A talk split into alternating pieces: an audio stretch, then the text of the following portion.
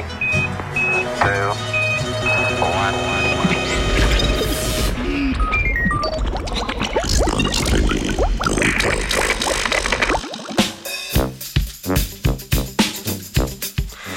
Lepo pozdravljeni, dobro jutro, z vami je Radio Student in sprašujemo se, kaj posluša kormoran v vodi.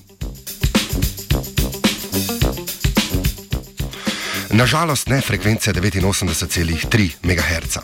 Je pa danska raziskovalna skupina v nedavno objavljenem znanstvenem članku razkrila fiziološke lastnosti sluha velikega kormorana v zraku in v vodi.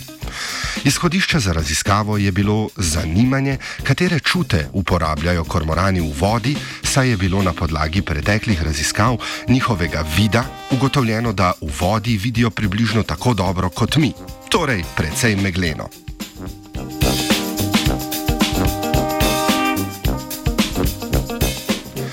Veliki kormorani so ptice, ki svoj plen lovijo v vodi. Njihov potep, potop, potep ali potop po, uh, potop po, pa v povprečju trajajo približno 30 sekund, v globini od 6 do 10 metrov.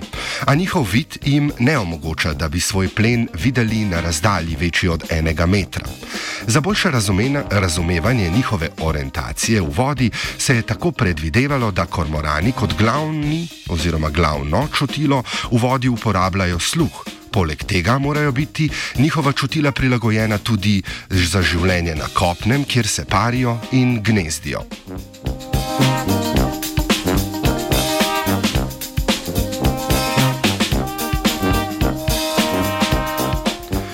Znanstveniki so za preučevanje sluha kormoranov v vodi in na kopnem merili akustični potencial možganskega debla.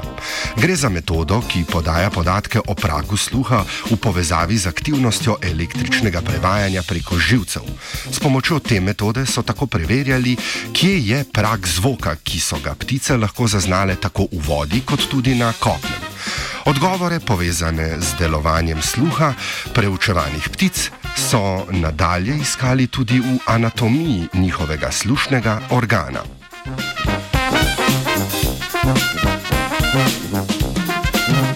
Rezultati raziskave so pokazali, da je sluh kormoranov v vodi vsaj toliko dober kot zunaj. Glavne anatomske prilagoditve za zaznavanje zvoka v vodi se nahajajo v srednjem ošesu kormoranov, ki po zgradbi spominjajo na slušne organe želu in nekaterih žab. Poznavanje sluha kormoranov je pomem, pomembno vpliva na njihovo varnost, saj zaradi hrupa, ki ga povzročajo motorni čovni in ladje, pogosto z veliko težavo lovijo organizme za prehrano.